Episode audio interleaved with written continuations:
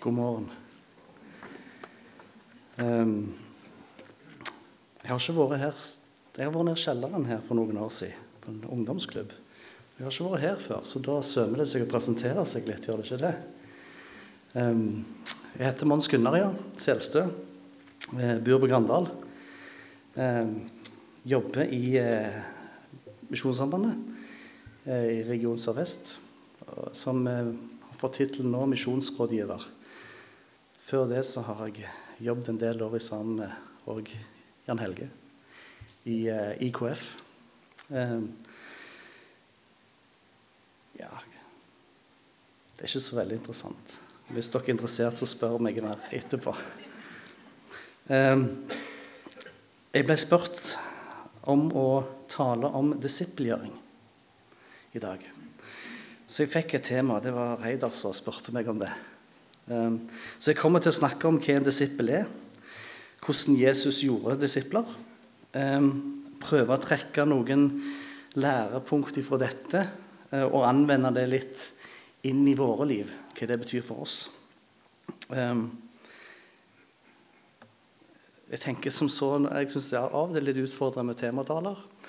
Men jeg håper at jeg kan gi at tankene kan gi grunnlag for egen refleksjon. At dere tar noen tanker med dere og grubler og ber over det sjøl. Hvordan det aktualiseres i deres liv. Og så kjenner jeg ikke forsamlingen. Jeg kommer jo nok til å bruke en del interne henvisninger som forutsetter kjennskap til noen bibelfortellinger. Og hvis du er her som da ikke forstår det som vi internt òg kaller for kananspråk altså Det betyr henvisninger som går litt over hodet så må du gjerne ta kontakt med meg etterpå. Eh, eller høre med noen andre som kan gi deg et svar på var han snakket om. Hva mente han med det? Så bare beklager det, men jeg håper det er OK for det. Men la oss først be. Kjære gode far. Takk for at eh, vi får kalles dine disipler. Og så har du sendt oss ut for å gjøre disipler. Jeg ber om at du kaster lyset dette temaet for oss og våre liv og vår situasjon i dag. Kom i Din Hellige Ånd. Tal til våre hjerter, form oss etter din vilje. Amen. Hva er en disippel? Vi sier lærling, vi sier elev. På Jesu tid så var det utrolig krevende og vanskelig å forbli en disippel av en rabbi. Det var ikke enkelt. For å bli en disippel så måtte en eh, først gå fem til sju år i synagogen. Eller fra du er fem til, ti år så, og alder altså fra du var fem år til ti år, så gikk du i synagogen og lærte å skrive først Toraen, skrive skriftene, sju dager i uka. Altså Sabbatsbud gjaldt ikke den som gikk til synagogen, for det var en god ting å gjøre på sabbaten. Så fra fem til ti år så kopierte du og skrev Toraen, skriftene. De aller beste etter, etter de fem åra der de var kvalifisert til å gå videre på ungdomsskolen, kan man si. Da var det tre år der du øvde deg i å memorere Skriftene. De aller beste der igjen, de kunne sende en søknad til en rabbi om å bli tatt opp som en disippel. Det er ytterst få som kvalifiserte seg til det. Um, I Bibelen så tror jeg vi har flere Paulus. Um, men hvis du ikke kvalifiserte deg til det, så var det å gå tilbake og gå i lære hos far. Uh, for denne skolen var kun tilgjengelig for gutter. Uh, og da måtte du på en måte ta, gå i lære hos far og, og ta over hans yrke. Når du ble tatt opp som en disippel av en rabbi, så skulle du leve med han. Du skulle bo med han, du skulle høre på han, og du skulle kopiere han. Altså Når den rabbineren dør, så er det du som har på en måte sugd til deg hans lære, og nå lever videre som han. Um,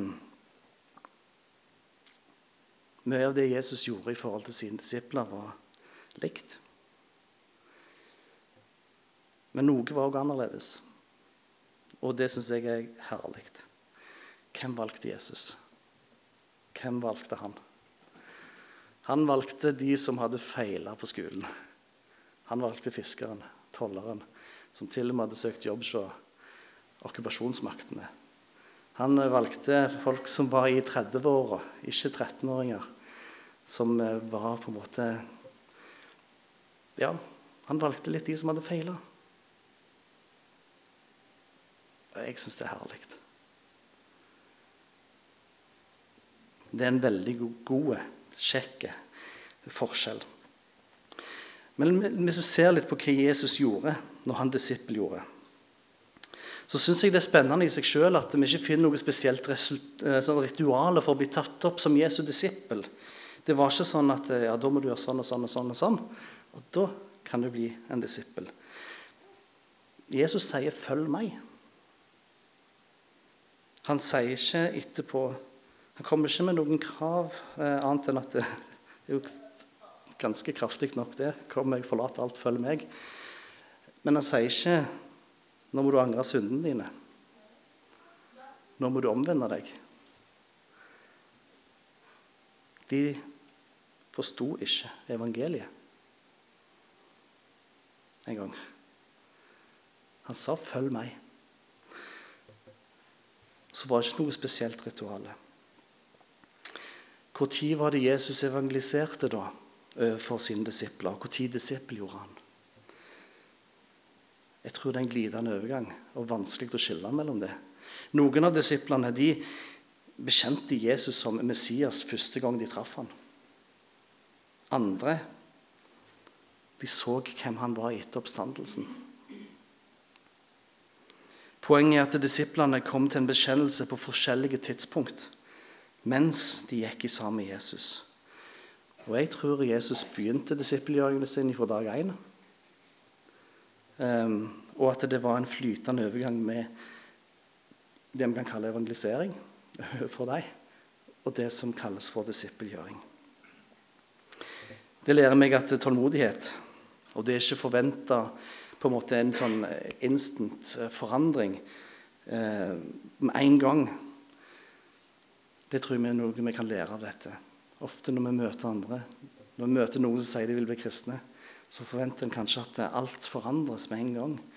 Og at nå blir det helt nye. Og så kan ting ta litt tid.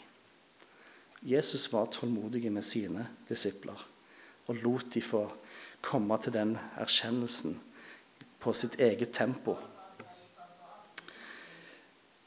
Det som òg er likt, da, det er at Jesus levde sammen med disiplene sine. Spesielt de tolv utvalgte. De reiste sammen, de bodde sammen, de spiste sammen. De sørga sammen, og selv om det ikke står om det i evangeliet, så tror jeg at de lo sammen. Eh, de delte liv. Disiplene lytta på, de observerte Jesus hele tida. De hadde muligheten til å stille han spørsmål. Og de var vitne til hans undergjerninger. Og de lytta til hans taler. Og Gjennom tegnene så vil Jesus åpenbare sin person, hvem han var, for disiplene. Sånn at de skulle tro at han var Messias. Sånn at de skulle se at han var Gud. Men ser vi òg på undervisningen som Jesus ga dem, talene, så kan, fikk iallfall jeg et lite sjokk. For jeg så på bergpreken, og der ser det ut som at Jesus gikk, undervisningen hans gikk ut på å følge budene. Om, om, du leser bergpreken i sin helhet, så kan den nesten bli litt motløs. For en finner ikke så mye snakk om nåde. Um, i denne preken. Tvert imot. Disiplenes rettferdighet skal overgå de skriftlærde, og de skal være perfekte, sier han. På grunn av den praksisen, det livet de er kalt til. Og Bergpreken handler i stor grad om å gjøre, og om det å være perfekt. Om vi skulle gjøre et forsøk på å oppsummere Bergpreken, så ville det vært at det, å sette troen ut i lydig praksis. At det er det den handler om. Så Jesu undervisning kunne være knallhard. Lev ut troa. Det, det, var liksom hans store utfordring til disiplene. Jesus formidla òg nåde. Det er ikke det. Ofte så gjorde han det kanskje gjennom gjerningene, hvordan han viste nåde. Og òg gjennom lignelsene, som er fulle av nåde. Og De forklarte han litt mer til de utvalgte til, til disiplene. Og så var det en del av undervisningen som gikk litt over hodet på disiplene. For Han prøvde å forklare dem hva som skulle skje, både med han sjøl, at han skulle dø, at han skulle stå opp igjen, og at de skulle få Den hellige ånd. Og, og Så fortalte han dem òg at de kom til å bli forfulgt, de kom til å lide. Han prøvde å fortelle dem om de siste tider. Det var ikke lett for disiplene å forstå. Og Noe av det kan være vanskelig for oss òg å forstå i dag. Men jeg prøver nå å gi et litt sånn oppsummerende bilde over hva Jesus brukte tida si på å undervise og lære disiplene når han gikk i sammen med dem. Hva innebærer dette her for oss? Hva innebærer disippelgjøring for oss? Først og fremst så ønsker jeg sjøl å være en disippel. Og jeg trenger å bli disippelgjort. Sånn som Peter så opplever jeg å bomme stort på målet og den standarden som jeg møter i Jesus. Hans praksis og hans liv. Og Da føler en ofte at en svikter som disippel, men Jesus sender oss ikke bort. Han kaller oss til seg igjen. Jeg er en disippel som trenger å bli disippelgjort. Og vi er alle lærlinger på forskjellige stadier i lærlingelivet. Og Derfor har jeg stor tro på medvandring. Å vandre sammen med Jesus, ja, men òg med andre meddisipler. Men, men disippelgjøring det krever en bevissthet. At vi innretter livene våre til å være medvandrere med vår neste inn i troa til modning. Bære hverandre. Og, at det òg er en slags gjensidighet i det. fordi det veksler, det vil jeg tro òg i dette fellesskapet. At det veksler hvem som, på hvem som er lam og, og trenger å bli båret til Jesus. Av og til er det meg. Av og til er det deg. Og så trenger vi hverandre. Så trenger vi våre meddisipler i den medvandringen. Altså, det er nesten en sånn Når vi snakker om disippelgjøring, så, så har vi meg, Jesus, min neste. Og i den dynamikken der så skjer det mye. Der skjer det noe. Vi må være mottagelige for disippelgjøring sjøl. Søndagsmøtene det er en del av det å bli disippelgjort. Cellegrupper eller bibelgrupper er en del av det det som går sammen med noen litt tettere i det en kan kalle medvandring. Den personlige kontakten er en del av disippelgjøringen, fordi han er også gjensidig. Det er utrolig fint. For Da får vi òg lov til som medvandrere, medvandrende disipler å bli formet av mesteren sjøl gjennom den sårbarheten som vi våger å dele med hverandre. Disippelflokken til Jesus er et godt eksempel på det. Jeg tipper at Peter fikk høre det når han kom med sine utsagn, så er jeg sikker på at eh, Andreas eller Johannes liksom Hallo, Peter. Sant? Han fikk helt sikkert høre det. Johannes han fikk sikkert òg kommentarer. Thomas de reagerte sikkert på hans krav om at ja, men jeg vil ikke tro før jeg ser. Um, Matteus Hvordan var relasjonen mellom Matteus, den svikefulle tolleren som jobbet for okkupasjonsmakten, og Simon, seloten? Seloten det var jo et uttrykk for en sånn jødisk motstandsbevegelse. Så, hvordan var relasjonen der? Mellom han som hadde jobbet for okkupasjonen, og han som var i motstandsbevegelsen. Spennende.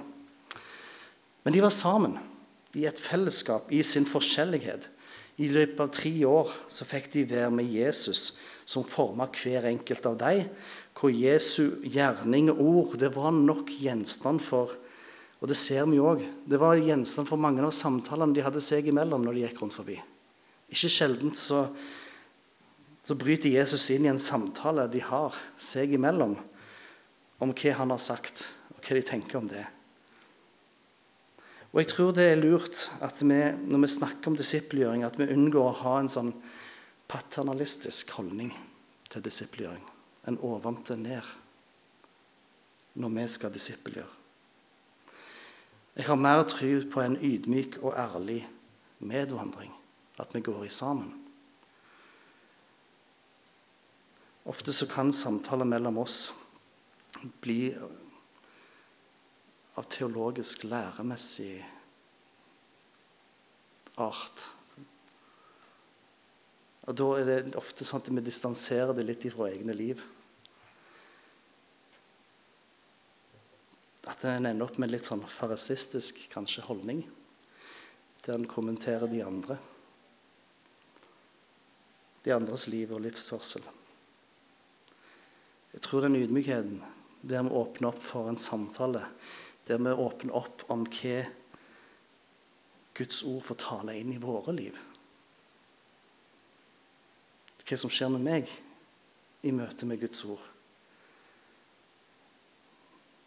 Og den samtalen i sammen med en betrodd venn, en medvandrer, det tror jeg er byggende. Det tror jeg det vil være veldig disippelgjørende i, våre liv. Samtale om tro og tvil på SMS, via Snap eller på kafé, i lunsjen, i heimen, i organiserte grupper osv. Jeg tror Jeg vet ikke om det er kirkekaffe her. Er det det? Ja. Altså, samtalen der Ofte så kan det bli et sånn komitémøte. Altså kirkekaffen. At vi skal snakke om det som skjer på tirsdag eller onsdag. eller sånt. Um, men tenk om vi kunne dele refleksjoner over forkynnelsen eller ting vi opplevde Gud den siste uka, når vi har denne fantastiske muligheten til å møtes. I et rom der en samtale får samtale om det en har hørt og lært i relasjonen med Jesus, der er det spennende. Der er det oppløftende og godt å være. Våger vi òg som forsamling å sette denne standarden? Det høres nesten litt rart ut, men Tør vi å snakke om Jesus når vi møtes? Det er kanskje et spørsmål litt på kanten. Det burde vært selvsagt. Men tør vi å snakke om Jesus når vi møtes?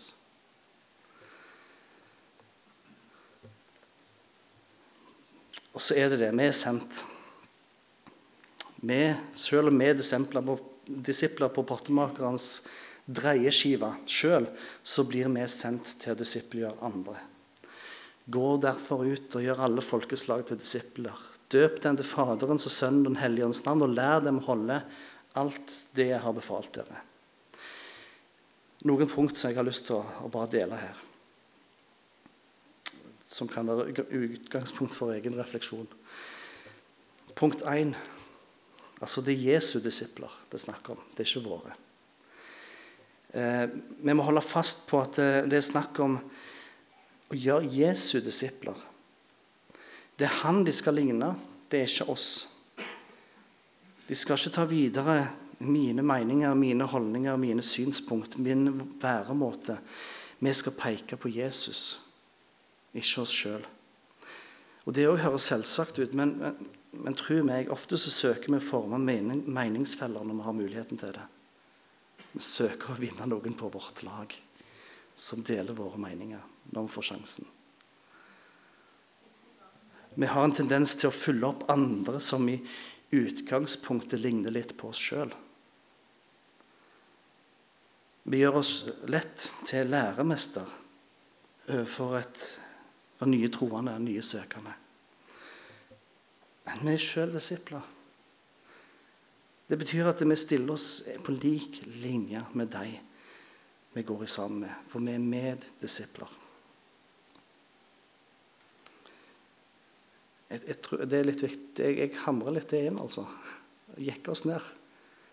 Vi er disipler sjøl, som har medbestipler vi er kalt til å gå sammen med, og har muligheten til å hjelpe. Vi har den samtalen som disiplene hadde seg imellom.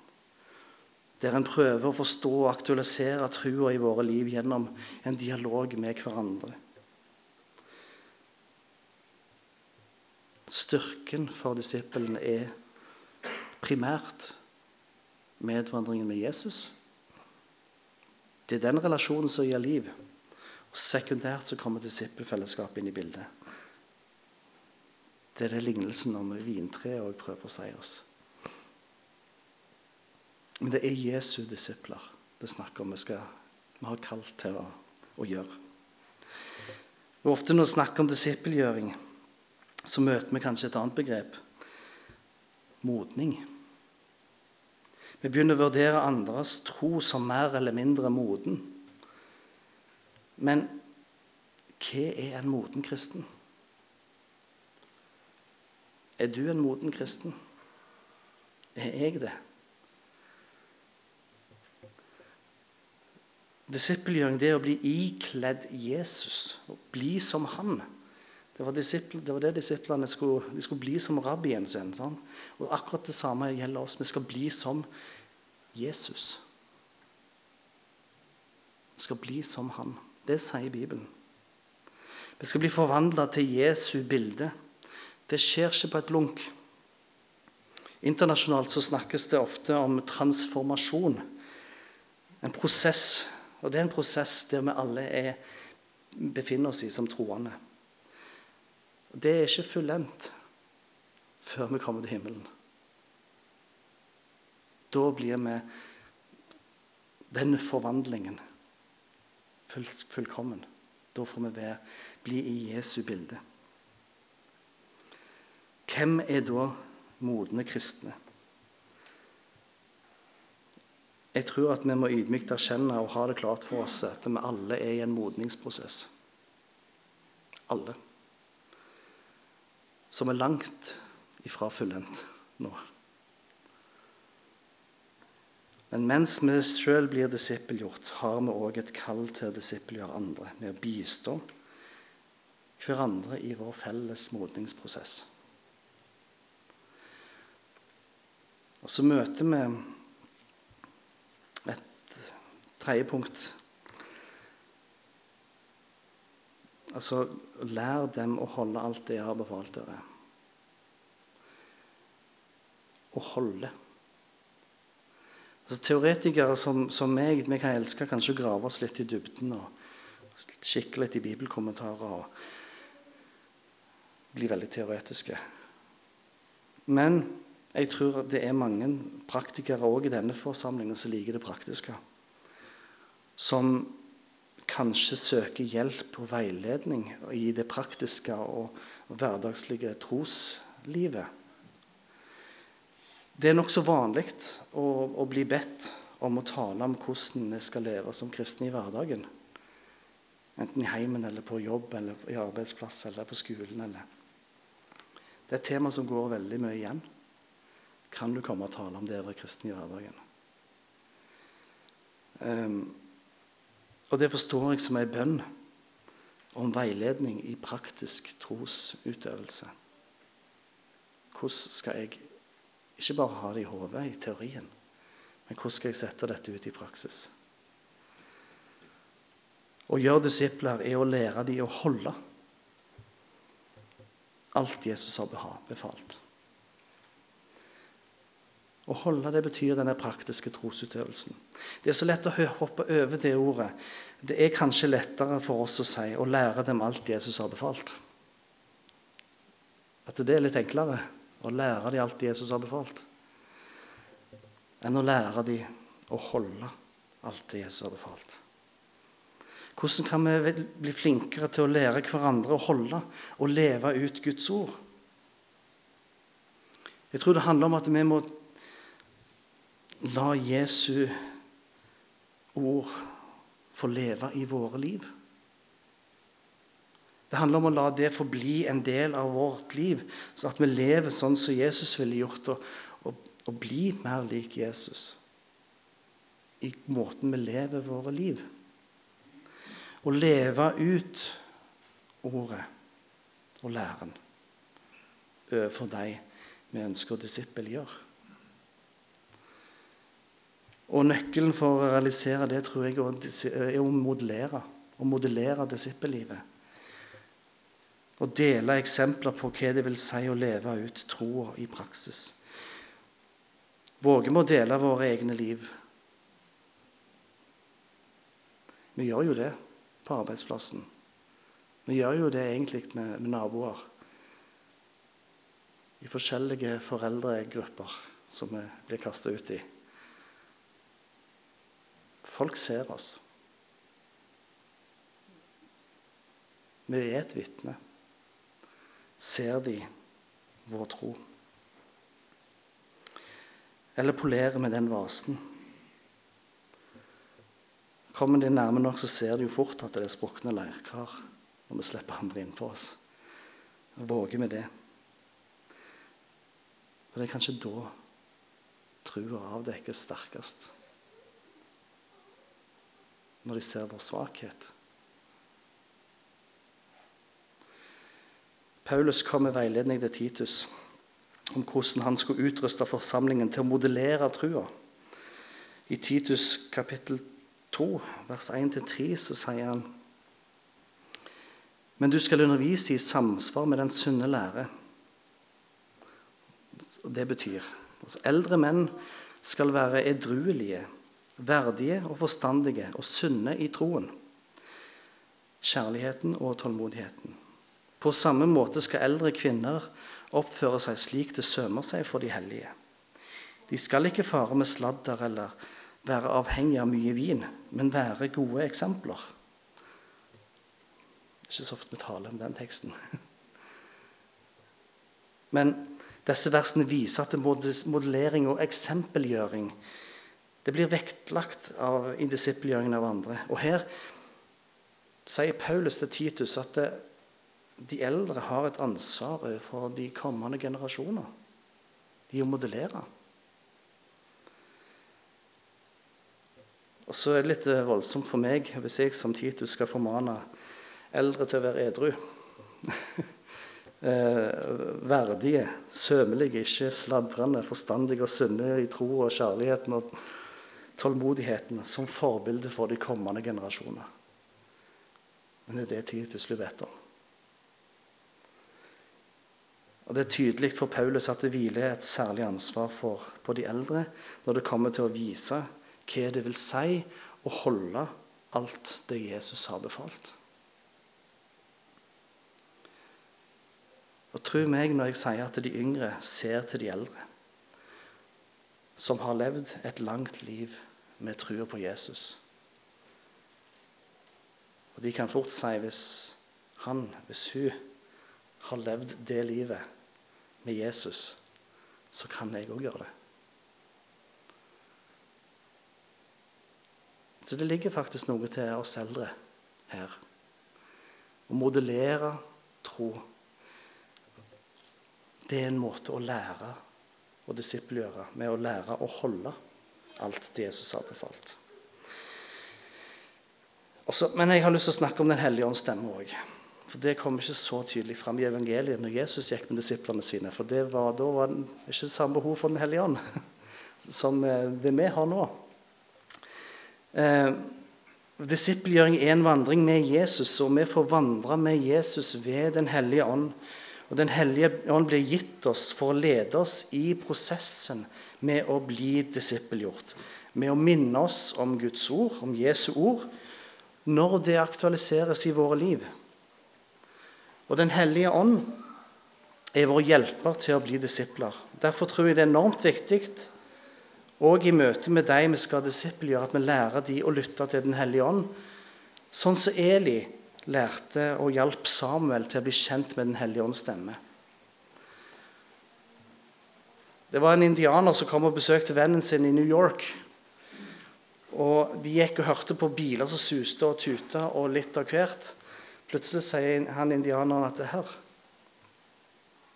uh, Vennen i New York forsto ikke hva han snakket om. Så han tok han med innover borti gata, inn i et smug, bak en søppelkasse. Der sto det ei gresshoppe og spilte og lagde lyd. Og vennen tenkte hvordan i all verden klarte du å høre, høre den der gresshoppa der i alt dette bråket? Og så sa han at ja, det er en lyd jeg kjenner igjen. Den hadde han stilt, var stilt inn på. Den kjente han igjen midt i alt bråket. Hvordan kan vi lære å kjenne Den hellige ånds stemme i våre liv? På, samme, på den måten at vi klarer å høre hans stemme i bråket. Den hellige ånd bruker ofte Guds ord når han taler til oss. Derfor tror jeg at eh, kjennskap til Bibelen er en viktig forutsetning for å gjenkjenne stemmen til Den hellige ånd i vårt liv når han søker å veilede oss i livet. Vi må lære de som ønsker å disippelgjøre, å kjenne Jesu ord. Og samtidig stole på at Den hellige ånd vil tale til dem og virke i deres liv. At vi slipper kontrollen litt sjøl, sånn som vi ofte må gjøre med våre barn når de vokser opp og overlate de til Den hellige ånd. At det nå man bare ber om at de får høre og bli kjent med Den hellige ånds stemme. At de velger å følge Den hellige ånds ledelse. Det er ikke lett. Det, for det er letteste for oss å holde fast. Men det er ikke våre disipler. Siste punktet. Som misjonsrådgiver i Sør-Vest så er det sånn at eh, jeg må gjøre oppmerksom på at eh, det i befalingen blir satt at en skal disippelgjøre alle folkeslag. Eh, Jesus sa ikke bare 'gå til ditt folkeslag og gjøre disipler'. Oppfordringen om å gjøre disipler det gjelder alle folkeslag. Det betyr at vi skal se til andre folkeslag òg enn vårt eget. Disse folkeslagene kan godt være i Norge. De kan godt være her på Vigrestad òg. Men mesteparten av disse befinner seg utenfor våre landegrenser. I vårt kall til å gjøre disipler så må vi ikke begrense det til mennesker som ligner på oss. I alder, i interesser, i oppførsel eller etnisitet. Vi skal ikke lage kloner av oss sjøl.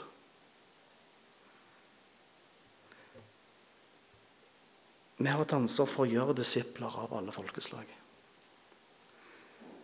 De folkeslag vi sjøl kommer i kontakt med, er vi sendt for å disippelgjøre. Men vi har også et ansvar for de som for at evangeliet kommer i kontakt med de menneskene som ikke har fått muligheten til å treffe et eneste kristne vitne som kan disippelgjøre dem. Og I den forbindelse er det tall som jeg ønsker at du skal ta med deg og tenke over og det er 86% For 86% av verdens muslimer, hinduister og buddhister vil sannsynligvis aldri treffe et kristent vitne i løpet av sitt liv. Sånn som det ser ut i dag. 86% vil ikke ha muligheten til å bli disippelgjort.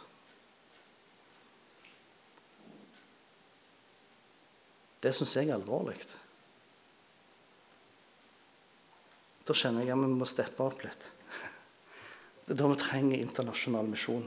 Vi trenger flere vitner som er villige til å reise, og ressurser for å kunne sende dem.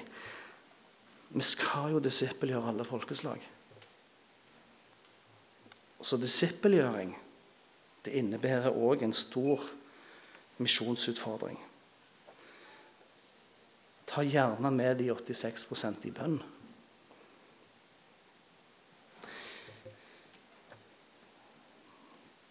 Jesus sier til oss gjennom sitt ord og ved Den hellige ånd, 'Følg meg'. Du har fått et kall til å bli Jesu disippel. Det er en invitasjon til å være sammen med Han og bli forma til hans bilde, sånn at du òg får bli sendt ut til å representere han som et vitne. Vi blir sendt ut for å dele våre liv med våre medmennesker. Og i det livet så vil det være skår som brister. Men Den hellige ånds gjerning i våre liv Ved Den hellige ånds gjerning i våre liv så vil håpet, troa og kjærligheten ifra Gud møte våre medmennesker. Så er vi kalt til å være sårbare, ydmyke vitner i møte med våre medmennesker. Som meddisipler òg på vandringen til et fellesskap med Jesus i himmelen. Hvor vi til slutt vil bli forvandla til det bildet vi var kalt til å bli. Og Jeg håper at du blir, har blitt utfordra òg av Den hellige ånd i dag helt konkret inn i ditt eget liv. Og at du er villig til at Gud får gjøre sin gjerning i deg og gjennom deg. La oss be. Kjære far, takk for at du kaller oss. Takk for at du vil gå med oss. Takk for at vi har muligheten til å ha deg med i våre liv hver eneste dag ved Den hellige ånd. Takk for at du ønsker å lede oss ved ditt ord. Takk for at du har lovt at du er med alle dager. Jeg ber Jesus om at du at vi får oppleve det og kjenne det, at du går med.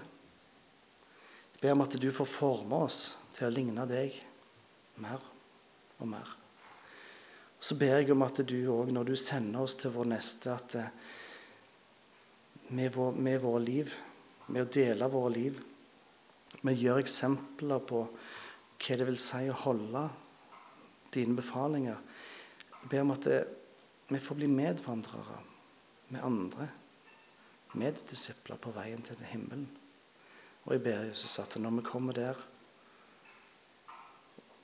det, er en takk være med at vi får se alle folkeslagene. Det har vi løfter om, og det ser vi fram til. Vis oss veien ut til alle de folkeslag som du ønsker å kalle til disipler. Og de 86 av muslimer, hinduister og buddhister som ennå ikke har eller som ikke har sjanse til å treffe et kristent vitne sånn som det er nå, i sin levetid. Jeg ber om at du gjør noe med det.